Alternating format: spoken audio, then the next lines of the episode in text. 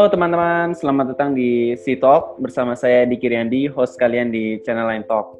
Apa kabar semuanya? Semoga selalu sehat, terutama di kondisi kita yang sekarang ini lagi genting-gentingnya, ya kan? Lagi maraknya kasus COVID-19 ini di negeri kita tercinta saat ini.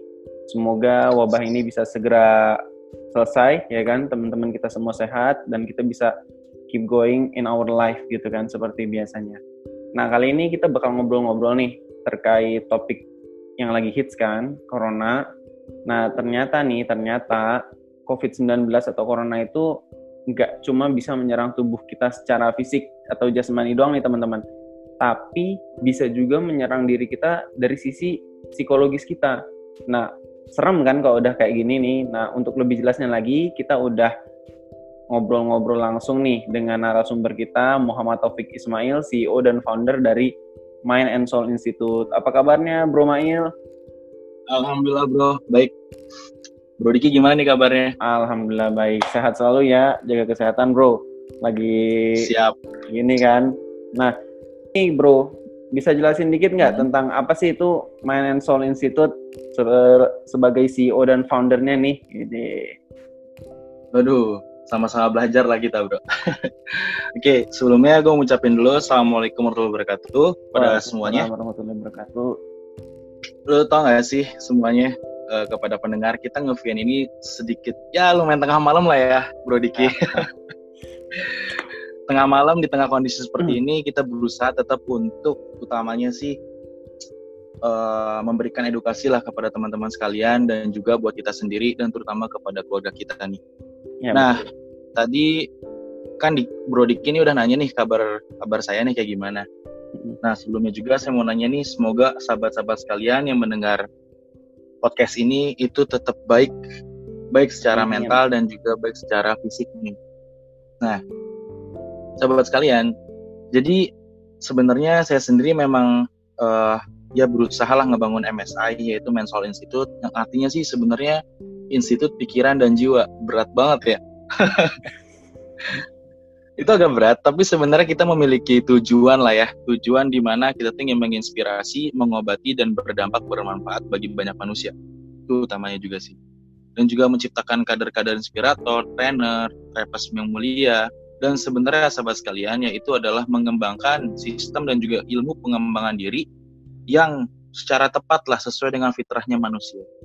Jadi sebenarnya sih MSI sendiri itu fokus di bidang pengembangan diri, utamanya di kesehatan mental sih. Wih, Kayak gitu bro. Keren banget. Semoga MSI bisa terus berkembang ya bro Malil ya. Amin lah bareng-bareng sama tim juga kan ya. Nah, sekarang kita coba langsung ke topik pembahasan nih bro, ya kan? Dengar-dengar kalau misalnya corona itu bisa nyerang psikologis itu maksudnya gimana ya bro ya? Soalnya kita nih masih yang awam-awam nih masih kurang paham bro. Oke. Jadi gini bro. Uh, eh, gue jelasin pertama-tama kayak gini. Apa sih sebenarnya psikis itu dulu gitu kan? Ya. Jadi psikis ini sebenarnya bisa disebut juga dengan mental gitu bro. Nah mental okay. itu apaan gitu kan? Mental itu sebenarnya adalah segala sesuatu yang berhubungan dengan pikiran dan juga perasaan. Itu simpelnya lah ya jadi mental itu berdasarkan dari pikiran dan juga perasaan kita. Nah, teman-teman sekalian, sebenarnya COVID-19 ini sebelum menyerang fisik, dia justru menyerang mental dulu, bro. Oh, jadi mental dulu yang keserang sebelum fisik? Mental dulu yang keserang sebelum fisik. Lo bisa ngerasain lah ya. Sebelum se menyebar ini, mental secara masyarakat Indonesia pada saat itu, terutama di negara luar lah ya, kita lihat Italia ataupun juga negara lainnya. Mungkin awal-awal mereka merasa biasa aja gitu dan hal lain kan. Yeah. Tapi ketika boom dalam 14 hari itu luar biasa kan hasil dampaknya. Di situlah dimulai mentalnya semuanya itu terkena gitu loh. Nah, okay. untuk kita yang di Indonesia saat ini, kita sudah mendengar berita-berita demi beritanya. Sebelum kita tertular dengan penyakit corona ini COVID-19, tapi kita sudah terserang dengan penyakit mentalnya nih. Oke, nah, gimana kita tuh, bisa bayangin lah ya. Banyak kan di antara kita yang takut dan juga cemas berlebihan lah ya. Ya, betul, betul. Nah, takut dan cemas berlebihan sehingga kita itu jadi terdistraksi lah ya, terhubung dengan berbagai macam hal, kita jadi tidak terkoneksi dengan diri kita sendiri, kita jadi psikosomatis tuh bro. Psikosomatis itu apa tuh bro? Apa tuh psikosomatis? Nah, psikosomatis itu sendiri terdiri dari dua kata bro, yaitu psike atau psiko dan juga soma yang artinya tubuh. Bukan Jadi, psikopat kan tapi kan? Adalah, bukan oh, psikopat bukan, bro. kan? Joker dong. Jadi gini, psikosomatis itu tuh berdasarkan dari psiko dan juga soma. Dari dua kata itu bro. Yang artinya adalah pikiran dan tubuh. Nah, secara harifahnya lah ya, psikosomatis itu bisa diartikan adalah sebagai penyakit yang melibatkan pikiran dan tubuh. Contohnya bro, lu ngomong nih, Dik. Ya. ngomong di depan um, kisaran pesertanya 50 orang lah. Oke. Okay. Presentasi 50 orang. Lu keringetan atau gemeteran nggak? Mungkin belum kan? Biasa mm -hmm. aja lah. Mm -hmm. Nah, tapi coba gue tanya, kalau 50 ribu orang nih? Waduh, kalau pertama kali sih kaki gue langsung lemes kali ya. Agak lemes lah ya. Iya. lemes, gemeteran. Atau gini deh, gue sendiri lah ya yang ngomong di depan umum gitu segala macam. Mm. Sometimes gue padahal dingin, tapi gue keringetan cuy. nah, itu dia. Nah, betul, ini betul. psikosomatis. Jadi ada presuposisi ya dari NLP yang mengatakan bahwa mind and body are one system. Oke. Okay. Pikiran dan juga tubuh adalah satu kesatuan gitu. Di mana artinya adalah ketika pikiran atau mental itu dengan tubuh itu satu kesatuan. Jadi mental ini akan memengaruhi tubuh. Tubuh pun akan memengaruhi mental. Nah, psikosomatis adalah yang bisa dikatakan pikiran dan tubuh hasil dari mental mereaksikan kepada tubuh contohnya ngomong di depan 50 ribu orang nih tiba-tiba hmm. keringetan deg-degan ya kan gemeteran ya, ya, ya, ya. itu psikosomatis itu sih contoh simpelnya jadi sakit hati gitu kan patah uh, hati ada orang-orang yang kayak gini nih bro. Uh, melihat kasus jadi saking banyaknya nerima informasi tentang covid gitu ya baik dari media sosial hmm. ataupun media mainstream kayak TV gitu-gitu. Nah mereka tiba-tiba kayak ngerasa kok gue tiba-tiba sesek gitu ya? Terus kok gue tiba-tiba yeah. batuk gitu? Nah terus akhirnya mereka ini kayak pengen minta diperiksa. Itu kan yang maksudnya yeah. psikosomatis gitu ya? Jadi gini dik ada klien gue yang di mana dia itu tuh sebenarnya nggak di ID ya di hmm. dual identity kepribadian ganda. Tapi dikarenakan salah satu permasalahan dia sering ngecek tuh di Google gitu. Apa sih ciri-ciri di ID ya. Gejala-gejalanya. Tanpa disadarin gejala-gejala itu mensugesti dirinya. Oh I see, nah, I see. ketika dia masuk ke dalam sugesti dong, informasi itu tersuges ke dalam pikirannya. Masuk alam bawah sadar, jadi Betul implementasi otomatis gitu. Tubuh, bro. Oke. Okay. Yes. Ini Sehingga yang dia tuh kayak gini. Bahasa bahasa apa ya? Bahasa teknis otomatis secara secara praktek kali gitu ya. Nah, gejala-gejalanya dia dia telan gitu kan uh-huh. dia telan gejala-gejala dan hal lain dan dia asumsikan bahwa saya ini tuh mungkin terkena terkena covid dan hal lain kan? Sehingga tubuh itu mental itu mereaksikan kepada tubuh untuk batuk. Padahal nggak batuk sebenarnya biasa aja misalnya. Oke okay, paham paham paham paham. Sebenarnya ya gitu. terus bahaya tiba-tiba napasnya kayak gini gitu kan? Bahaya bro. Gimana tuh bro? Bahaya dari kenapa sisi bahaya, kan? pertanyaan kan kenapa bahaya kan? Gini. Mental itu akan meningkatkan imunitas tubuh jika okay. mentalnya baik. Betul. Kalau mentalnya Betul. drop, imunitas turun dong. Betul. Contohnya gini lah, Dik. Anak alam lah ya, naik mm gunung. Ya kan? Mm -hmm. Dia naik gunung nih, dia punya tujuan, punya visi, dan juga misi. Apa sih visi dan misi dia naik gunung? Yaitu contohnya adalah sampai puncak. Betul. Itu contoh simpelnya ya contoh simpelnya adalah naik puncak yang lainnya mungkin kan bersih tempat lah dan hal lain segala macam misi dan misinya adalah utamanya adalah dia ingin sampai puncak dan dia ingin menebarkan bendera merah putih misalnya ke gunung Everest gitu Wih, lu bisa bayangin lah Everest itu dinginnya segimana gitu kan minus puluhan derajat tuh ya wah gue kurang tahu deh bisa cek di Google lah ya oh, bisa berapa mdpl But yeah. karena visi dan misi itu meskipun dia fisiknya capek dan hal lain, tapi mentalnya tetap bergerak. Oke. Okay. Meskipun berdarah-darah dan hal lain, meskipun badai segala macam dia tetap bergerak sampai visi dan misi tercapai. Tapi pertanyaannya, adik, seandainya dia itu mentalnya drop, semua visi dan misinya hilang, kabur. Gimana tentang mentalnya sehingga mereka yang pada tubuh? Simpelnya kayak gini. Hancur pasti. Orang orang yang ditolak lah ya, baik itu pekerjaan, bisnisnya ke hold semua lah everything nih. atau apa bahkan ke cancel. Gue ngelihat dengar dengar lokal brand itu udah nyiapin ribuan pitches ya kan? Hmm. ternyata kondisi seperti ini sehingga karyawannya ditutup semuanya. Oh, iya. bagaimana tuh tentang psikologi down nah, parah sih. ketika ketika mentalnya kan nih lemes kan? Betul betul. Tubuhnya lemes bro. Betul banget. Jadi mau gerak tuh loyo. Betul karena visi dan misinya itu maksudnya adalah hope-nya dream-nya itu seperti abu-abu lah jadi kabur hmm. jadi mentalnya drop ya udah ya orang sakit hati lah ya ketika hati yang tersakiti maka seluruh tubuh akan menyertainya bro. maka di situ sangat penting bagi kita menjaga kesehatan mental kita di kondisi seperti ini nah terlebih lagi karena memang e, sebenarnya ini kan covid ini kan bisa sembuh dengan daya tubuh daya tahan tubuh kita yang meningkat gitu kan. Dengan kita udah terkena mentalnya ini udah down, berarti daya tubuh daya tahan tubuh kita udah pasti makin turun dong, ya kan? Bahkan malah Betul. itu meng, memperbesar potensi kita untuk beneran kena secara jasmani, betul? Betul. Oke. Okay. Jadi bisa dibilang gini lah ya. Kenapa sih anak muda dibilang imunitasnya kuat gitu kan? Selain dari anak mudanya, karena anak muda itu masih energik. Dia memiliki hope dan dream. Bayangin usia lanjut 60 ke atas lah, atau 70. Apa sih hope dan dream dia selain khusnul khotimah dan lain segala macam itu udah pasti lah ya. Tapi dia mungkin visi misi hidupnya untuk mencapai uh, perusahaan besar lagi dan hal ini itu udah menurun. Sehingga hope dan dream itu turun, mentalnya pun tentang untuk mengejar itu pun akan turun dong.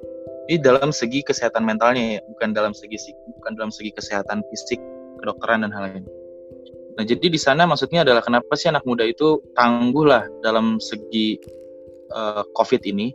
Dikarenakan memang sel-selnya yang masih muda dan juga mentalnya yang masih tangguh gitu. Ya, betul. Maka di sini itu hal itunya utamanya kita terus bisa menjaga kesehatan mental di tengah seperti ini. Ditambah lagi seperti yang lu bilang bahwa tentang penyembuhan COVID ini saat ini adalah tentang dengan merawat kesehatan kita loh, terutama imunitas kita kan. Maka sangat penting untuk kita untuk menjaga kesehatan mental saat ini. Gitu. Terlebih lagi kalau dari sisi teknis kali ya bro ya, bahayanya semakin banyak orang yang merasa dirinya itu kena COVID karena psikosomatis, padahal enggak, dan mereka ketakutan, mereka pengen dites, sedangkan sumber daya untuk ngetesnya itu sangat-sangat terbatas sekarang ini. Berarti bakalan ada apa ya? Benar-benar kayak rush untuk wah gue pengen dites nih, gue pengen dites nih. Itu kan bakal benar-benar bisa bisa menimbulkan chaos kan. Malah orang yang benar-benar diprioritaskan untuk dites karena memang mungkin gejalanya lebih tinggi karena banyak saking banyaknya orang yang merasa gue butuh dites nih. Nah, itu malah tersingkirkan ya, Bro ya. Betul kan kayak dibilang ya uh, usia-usia lanjut itu lebih diprioritaskan dibandingkan anak muda kan. Betul. Nah, kalau misalnya kita yang sebagai anak muda udah panik berlebihan, batuk dan hal yang langsung telepon nih kepada call centernya, gimana tuh orang-orang yang usia lanjut? Kan gitu pertanyaan. Mm -hmm. Dokter-dokter yang yang bisa turun tangan dan hal lain, jumlahnya, APD-nya dan lain-lain.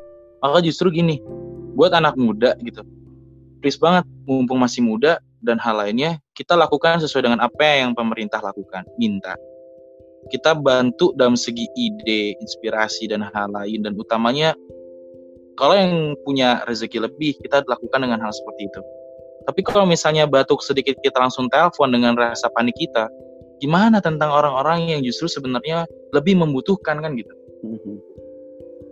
Nah, sangat penting buat anak muda justru itu dia bisa menyebarkan imunitas tubuhnya kepada orang lain, terutama kepada keluarganya. Lu panik boleh, tapi jangan diperlihatin ke orang tua kan gitu. Ya betul. Karena itu akan menular bro, emosi itu nular. Gimana tuh bos maksudnya tuh bos? Sebagai contoh lah ya orang anak-anak muda yang mungkin sering nonton film drakor ya kan Gimana? Ya. dia nangis-nangis mewek-mewek ketika nonton film drakor karena yang nonton film itu mewek Ya, karena yang main betul. film tuh mewek Iya, ya betul. nggak sih Menular emosi dari Simpel situ lagi. ya. Betul betul. ah simpel lagi nih dalam segi reali- religi ya sholat imamnya nangis lu ikutan nangis padahal Nah, nggak paham artinya betul. Betul. Betul banget. Itu yang benar-benar. Nah, jadi maksudnya di sini itu artinya adalah eh, emosi itu menular. Ada Nah. orang sedih bisa menular ke sedih kayak gitu. Gimana?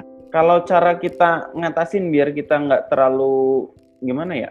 Nggak nggak terserang secara psikosomatisnya itu kira-kira gimana? Nah, sekarang gini. Kita itu kita harus tahu dulu nih lebih lanjut sebenarnya COVID ini apa, penyebaran seperti apa, gitu loh. Jadi maksudnya please banget kita langsung dapat dari sumber yang jatuhnya eh, primer lah, jangan sekunder. Contohnya buka WHO lah, atau adalah sumber-sumber internet apa sumber-sumber informasi yang jauh lebih terpercaya. Bagaimana sebenarnya COVID ini penyebarannya seperti apa, mulai dari batuk kah dan segala macam dan hal lainnya. Yang kedua, boleh kok konsumsi informasi berita ini, tapi jangan berlebihan. Informasi itu jika direpetisi terus-menerus, dia akan terus masuk ke dalam pikiran kita. Dari pikiran sadar atau kognitif nih, yang sebenarnya hanya mampu lah memikirkan dalam satu waktu itu minimal lima lah. Coba bayangin, dalam satu waktu memikirkan 10 hal. Yang pertama misalnya nih, Bro Diki. Bro Diki ini kan masuk apa namanya, lu bayangin dalam satu waktu lu mikirin eh, mikirin istri lu, lu mikirin bisnis lu, lu mikirin pekerjaan lu, yang lainnya lu mikirin keluarga lu, lu mikirin saudara lu yang jauh, lu mikirin banyak banget dream Wah, lu overload. dalam satu waktu. Overload Overload dong, pasti. overthink Ya, betul. Banyak di antara kita gini loh, dalam satu waktu kita memikirkan banyak hal dan lagi-lagi kita berekspektasi itu berlebihan. Ini disebut dengan mind travel. Pikirannya di mana, orangnya di mana, pikirannya di mana. Oke. gitu loh. Nah ini gejala ini ketika informasi terus merepetisi, dia akan masuk ke dalam pikiran dan akhirnya kepikiran gue sadar. Yang maksudnya adalah akan memengaruhi perasaan. Perasaan jadi berlebihan nih. Ibaratnya ya, perasaan takut jadi berlebihan banget. Sehingga mereaksikan kepada tubuh. Karena dari emosi kan mempengaruhi tubuh. Keringetan lah, deg-degan lah, batuk lah, napas jadi sesek lah. Wah gue corona nih, gue telepon dulu nih. Padahal sebenarnya karena pikiran lu sendiri gitu. Nalarnya itu, rasionya itu yang sebenarnya lagi kurang tepat. Dikarenakan berlebihan atau overthinking. Maka sangat penting cukuplah konsumsi informasi itu ya 5 sampai dengan 3 lah sehari. Itu pun dengan yang relevan. Bukan terus-terusan nonton COVID. Bukan terus-terusan ngelihat hal ini gitu loh, capek. Gitu sih. Mungkin salah satu cara juga bisa kita eh, ini ya mendistraksikan pikiran kita dari berita-berita kayak mungkin kita udah kebanyakan non- nonton dan dapat berita tentang COVID nih ya kan? Eh, dan mu- tubuh tuh udah mulai ngerasa sesuatu yang ya aneh-aneh gitu kan? Kita coba alihin Iya. pikiran kita mungkin ke sesuatu yang kita suka kayak mungkin ngegame lah atau nonton film lah segala macam agar pikiran kita tuh ter- teralihkan gitu yang tadinya isinya penuh sama COVID jadi pindah gitu kan Betul. Jadi tanpa eh, maksudnya bukan berarti kita nggak nggak nggak mengikuti himbauan pemerintah untuk tetap di rumah gitu kan. Tapi gini, lu kita stay at home bukan berarti kita di home itu pikiran kita tetap di luar gitu. Justru gini loh, ini adalah momentum di mana kita mengkoneksikan diri kita kepada hal-hal yang di dalam diri kita. Gitu. Selama ini kan kita sering terdistraksi kan kita sering terkoneksi dengan dunia luar, tapi kita tidak terkoneksi dengan dunia di dalam diri kita. Bener gak sih? betul betul Kita jarang self talk sama diri kita sendiri. Kita jarang ngobrol me time gitu. Kita jarang ngobrol bahkan family time. Gue dengar-dengar bahkan di YouTube itu ya, di podcast salah satu podcast Deddy Kobuzer, dia mengatakan sampai jam 2 malam apa jam 1 malam ngobrol sama anaknya. Yang sebelumnya dia nggak pernah kayak gitu.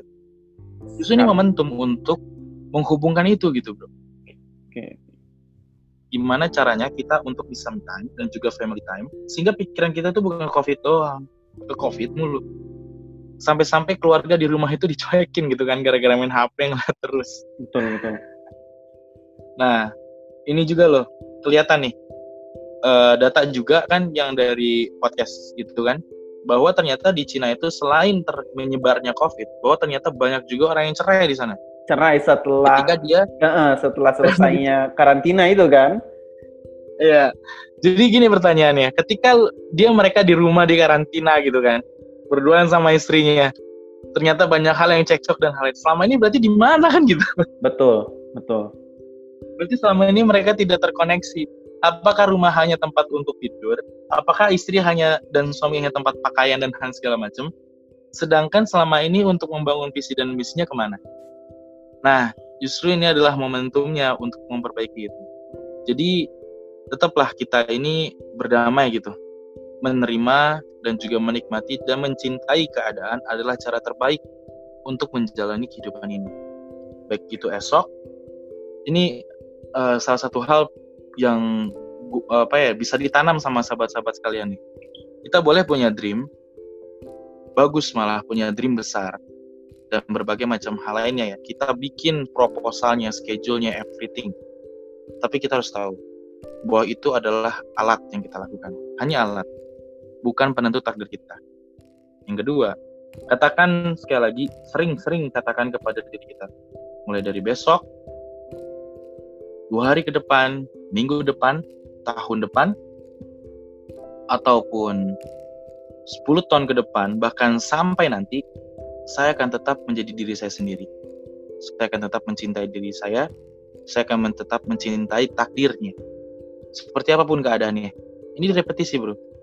Okay. kan banyak ketika ditanya ya di lima tahun sampai 10 tahun ke depan lu jadi apa? Apa yang bakal lo lakuin? Wah gue bakal punya perusahaan besar nih. Wah gue bakal everything lah bros. Itu dream. Pertanyaan gue adalah lima tahun 10 tahun, depan, 10 tahun ke depan apa yang bakal lakuin akan terjadi nantinya ya itu lima tahun 10 tahun ke depan apa pun yang terjadi gue akan tetap mencintai takdirnya. Ini imunisasi mental. Iya. Dengan dengan itu, itu kita akan menerima apa pun yang terjadi kan. Konsepnya kan kalau misalnya kayak ya siapa sih yang pengen kena covid atau siapa sih yang pengen kena sesuatu yang buruk bencana segala macam intinya kita sebagai manusia kita hanya bisa uh, melakukan yang terbaik sebagai pencegahan gitu kan tapi kita tetap harus menerima secara legowo seumpama ya hal-hal yang tidak diinginkan pun terjadi dalam diri kita gitu kan supaya kita bisa tetap bersyukur dan bersabar betul nggak bro? Betul banget. Jadi legowo ya itu ini. ikhlas nih. Ikhlas. Jadi hati boleh hati terus ikhlas gitu harus pasrah tapi tangan sama tubuh kita jangan pasrah gitu ya tetap tetap dulu menggenggam dulu kan menggenggam betul maksimal kan ikhtiar gitu uh -uh. sebelum tenggelam kita ambil apa aja kan yang ada di permukaan air tuh sebelum kita benar-benar tenggelam kan. Kalau misalnya udah nggak ada ya mau gimana lagi gitu kan. Betul banget bro. Di situ sih intinya. Jadi ya kita harus tetap bisa rasional lah. Dengan hal itu kita bisa berpikir rasional sih.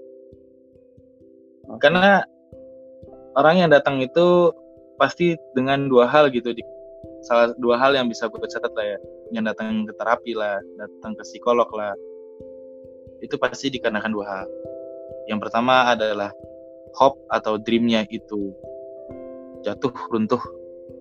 Bangunannya yang sudah dibangun segala macam runtuh sehingga dia kusut lah pikiran dan perasaannya berlebihan overthink segala macam overload lah ya yang kedua adalah karena dia itu tidak terkoneksi dengan dirinya sendiri itu sih jadi penting bagi kita untuk menjaga kesehatan mental di tengah seperti ini apa pun yang terjadi nanti terima nikmatin dan cintai. Jadi nikmatilah rasa itu. Rasa takutnya dinikmatin, rasa cemasnya dinikmatin.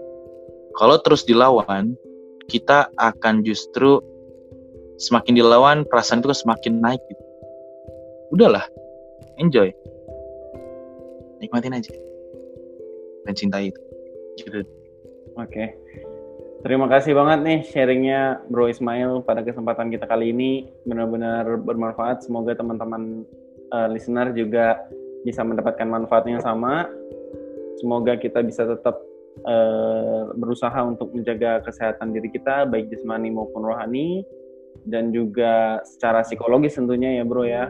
Dan juga uh, dalam situasi yang kayak gini kita bisa tetap terus bersabar walaupun sekaligus kita tetap berikhtiar supaya kita tidak uh, terkena penyakit tersebut ya kan pandemi ini. Tapi di satu sisi kita tetap harus bisa legowo terkait apa pun yang nantinya terjadi pada diri kita Oke, okay, kepada uh, listener terima kasih.